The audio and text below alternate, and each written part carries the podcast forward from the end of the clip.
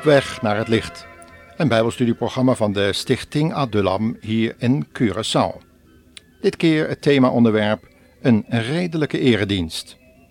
Een zevende programma over tongentaal, geestesdoop en de gaven van de Heilige Geest. Nu dit keer over Romeinen 12 vers 1 en in Korinthe 14 vers 40.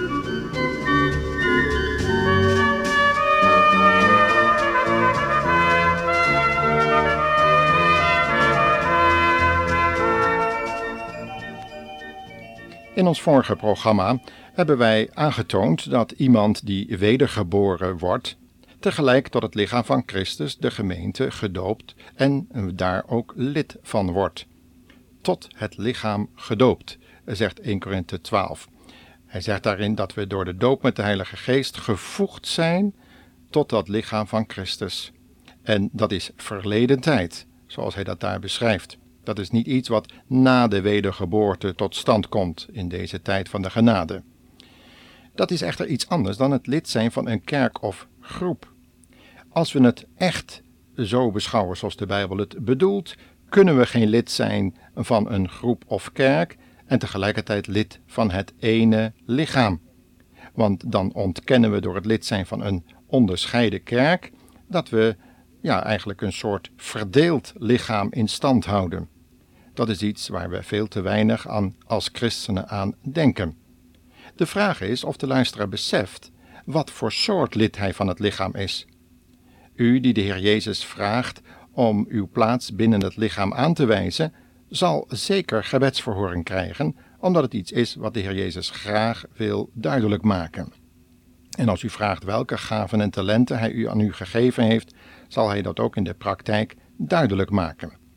Wellicht heeft God u tot een voet gemaakt, of zoals Paulus aan de Efeziërs schrijft, bereid gemaakt om het evangelie overal rond te brengen. En zult u daar ook de gave voor ontvangen hebben. U kunt mensen boeien met datgene wat u te vertellen heeft. Dat is niet in de eerste plaats ervaringen doorgeven, maar het woord van God met vrijmoedigheid prediken. De Heer Jezus zal zeker ook uw plaats laten zien als u zijn woord biddend bestudeert.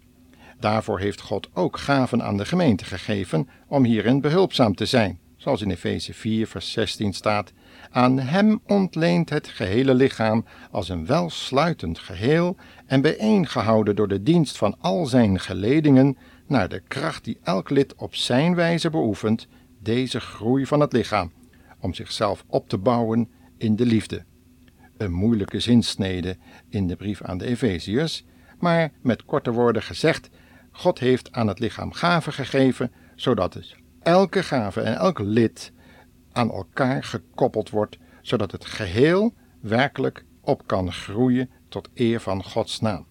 En geef God dat u spoedig uw plaats binnen dit lichaam inneemt en ook weet waar u precies staat, waar uw positie is.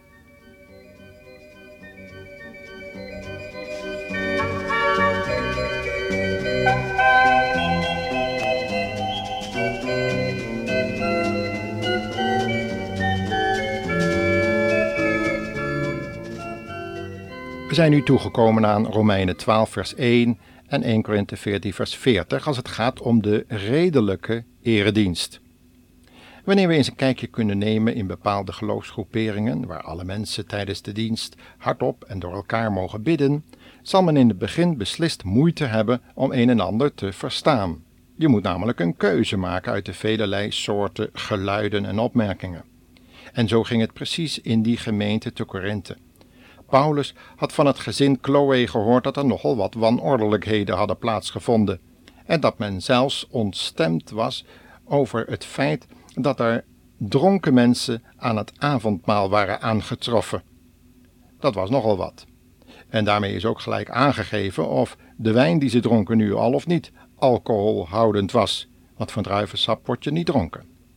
Helaas blijken vele gelovigen zich aan deze vermaningen niet te storen en spreekt men toch nog steeds door elkaar heen de gebeden uit, of men hindert de aandacht van de ander die, de die het gebed uitspreekt, door steeds maar weer halleluja of prijs de Heer erbij te roepen.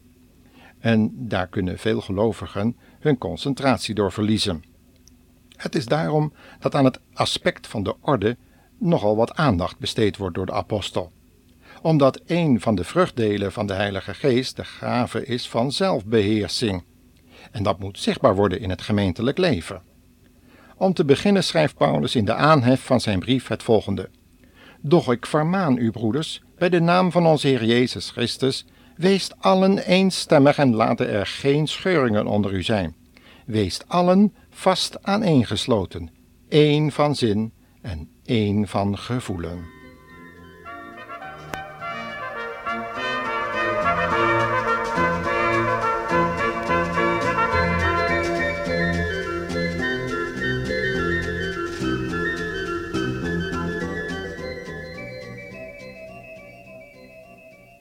Het is duidelijk dat Paulus in opdracht van God en onder de leiding van de Heilige Geest deze brief geschreven heeft aan alle gelovigen van alle tijden.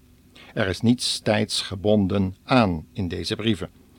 Want het gaat om allen die de naam aanroepen van onze Heer Jezus Christus op alle plaats. Dat sluit dus ook onzin, beste luisteraar.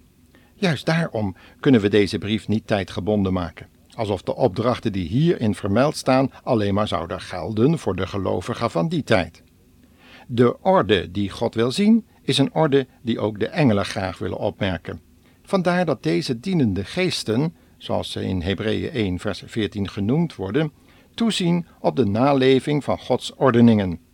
We zien dat met name als er gesproken wordt over de haardracht van de zusters in 1 Korinthe 11 vers 10 en wat ook behoort bij onze redelijke eredienst, zoals die Romeinen 12 dus beschreven is. Daarover is nogal veel verwarring in christelijke groepen. Zonder hier dieper op in te willen gaan, kunnen we ons beperken tot een enkele heenwijzing naar dat genoemde gedeelte.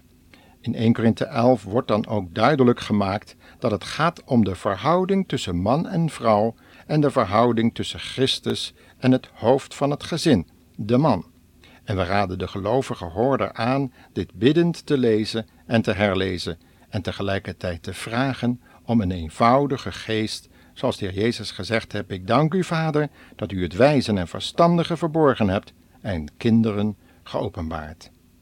Verder werd de orde van God zichtbaar in de wijze waarop men de profetische redevoeringen hield. Iedere man kon een lied opgeven, een gebed uitspreken en een toepasselijk woord spreken vanuit de tegenwoordigheid van God, wat profetie wordt genoemd, zodat harten en gewetens in het licht van dat woord werden geoefend en gereinigd. Niet meer dan drie profeten mochten er spreken, evenals er ten hoogste drie gelovigen zich in een buitenlandse taal mochten uitdrukken, en dan nog alleen als het bekend was dat het vertaald kon worden. Zoals in andere programma is gebeurd, wil ik er toch nog iets van laten horen hoe dat ook in deze tijd mogelijk gemaakt kan worden. In dit gedeelte gaat het over de grenzen die we moeten stellen aan de invloed van de wereld in het gemeentelijk denken. Luistert u maar even. Midian kan له حدود منفصلة عن إسرائيل. Midian had separate boundaries apart from Israel. Midian had eigen grenzen gescheiden van Israël. لكنه كان يغزو إسرائيل أحيانا. But it used to make raids against Israel. Maar het hield er een gewoonte op na die grenzen te overschrijden en uh, overvallen op Israël te plegen. ولكن الآن بالنسبة لنا نحن الكنيسة. Now for us there is something to learn for the church. En nu is er voor ons, voor de gemeente, wel het een en ander te leren uit deze kwestie. العالم لا يغزو ويخرج بل باق وكأنه قريب جدا منا. The word for us does not make raids, it is very near to us, closer than what we can imagine. De wereld die is dichter bij ons dan wij ons wel zouden kunnen voorstellen. Could you turn to this side?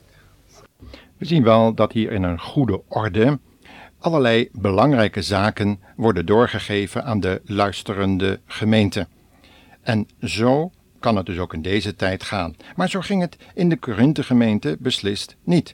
Daar had men de grenzen verlegd en de wereld was daar binnengedrongen, doordat iedereen door elkaar sprak en de gave van zelfbeheersing en zeker de grenzen die de apostel gesteld had, namelijk twee of drie profeten, en dat het vertaald moest worden wat er in de vreemde taal gesproken werd, die werden niet in acht genomen.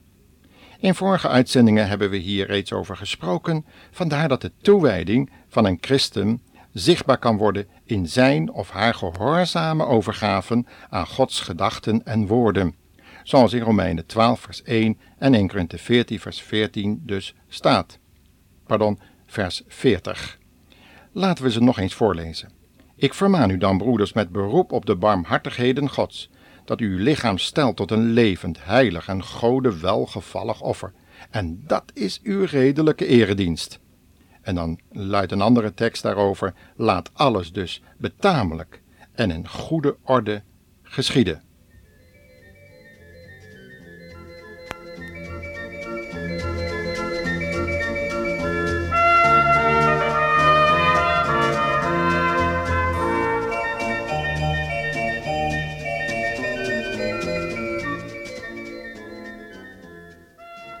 Luisteraar, misschien uh, duizelt u allemaal een beetje, omdat u in deze serie uitzendingen veel nieuwe zaken in het licht hebt zien komen. Maar toch willen we nog enkele belangrijke zaken met u doornemen. Zaken die te maken hebben met profetie en emancipatie. Een gevaarlijk onderwerp in deze tijd, nietwaar? Maar de kernteksten voor deze studie rond de profetie en emancipatie, die liegen er niet om.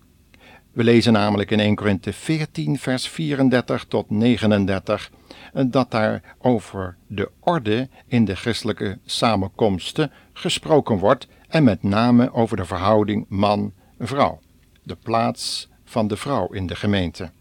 Een heel precair onderwerp wanneer we zien hoeveel vrouwen er over mannen heersen en leiding geven aan het gemeentelijk leven. Iedere gelovige zuster die nog niet zo goed op de hoogte is van Gods gedachten, zal denken dat God geen plaats inruimt voor haar gaven en talenten. De Bijbel kent echter wel degelijk een belangrijke plaats aan de vrouw toe, maar altijd in de schaduw van de man. Nu zou de luisteraar kunnen denken van ja, er is duidelijk een man aan het woord in deze uitzending, anders zou hij zo niet spreken. Maar we spreken niet als man en ook niet als iemand die het beter denkt te weten dan anderen. Maar we proberen steeds weer het woord van God aan te halen, niet om onze eigen gedachten te bevestigen, maar om eerbiedig te luisteren naar wat God door middel van zijn geïnspireerde apostel aan ons, de gemeente van alle tijden, te zeggen heeft. We hebben al gezien dat vrouwen inderdaad mogen profeteren volgens 1 Korinthe 14. Ze mogen in talen spreken, ze mogen bidden, onderwijzen, maar dan wel op de plaats die God hun wijst. En dat betekent in de praktijk dat zij een heel belangrijke plaats heeft in het gezinsleven, de zonderschool, het bezoeken van weduwen en wezen en het onderwijzen van andere zusters en hun vertroosten en bemoedigen. Ook hebben ze een belangrijke plaats als het gaat om gastvrijheid betonen en allerlei werken van barmhartigheid. De schrift staat daar vol van. En als we het werkelijk serieus willen nemen, dan zullen we zien dat juist als het gaat om een goede opvoeding, daar de moeder een zeer belangrijke plaats inneemt.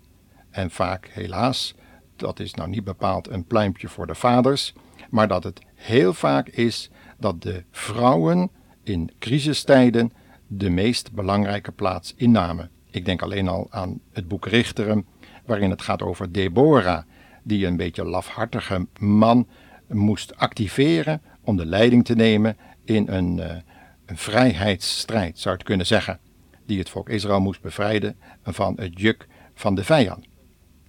Maar het kan ook in deze tijd zo zijn dat er een grote, belangrijke diaconale taak voor de vrouw is weggelegd, en zeker ook op het sociale gebied. We zien dat aan Dorcas, die kleren voor de armen maakte, en verschillende vrouwen die met name genoemd worden vanwege hun dienst aan de apostelen. Zij worden dan ook medestrijders in het evangelie genoemd. Helaas was er ook tussen deze vrouwen vaak nog wel eens sectarisme, twist en jaloezie. En dat wordt dan ook weer bestraft. In deze tijd van emancipatie zal het voor de pasbekeerde vrouw in het begin nogal wat moeite kosten om zich te gewennen aan Gods gedachten. Maar zij ontvangt een grote zegen wanneer ze zich aan de orde van God houdt en daarvan willen we een voorbeeld uit het Oude en het Nieuwe Testament geven. In het Oude Testament treffen we de profetes Hulda aan. en in het nieuwe de klederbewaardster van Sullum, Salem. We lezen in 2 Kronieken 34 vers 22 dat volgende.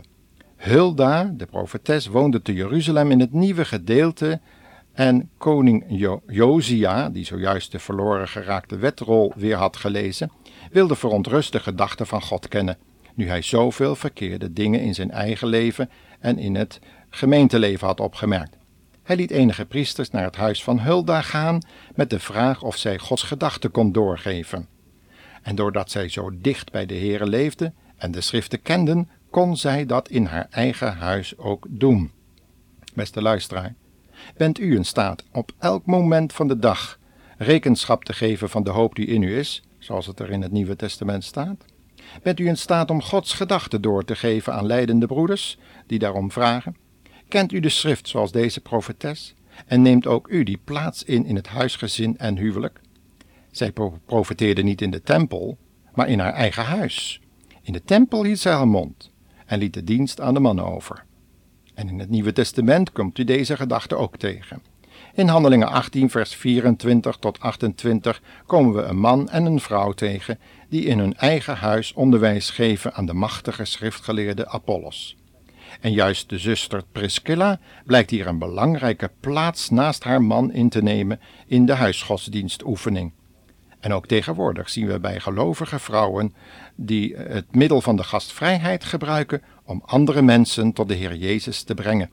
En zeker ook jeugd bij God te brengen en aan de voeten van het kruis. Wat is het heerlijk om een open huis te mogen hebben, met een gastvrije huisvrouw, waar plaats is voor de mensen die God zoeken.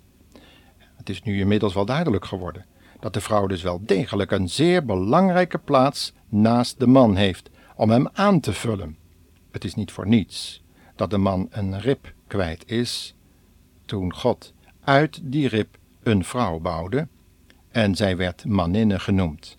En zo vinden wij de goddelijke scheppingsorde, die ook tegenwoordig in deze eeuw nog steeds geldt. Ach, laten we toch gehoorzaam zijn aan het woord van God. Wat zal er dan weer een harmonie komen in de gezinnen en in de gemeente?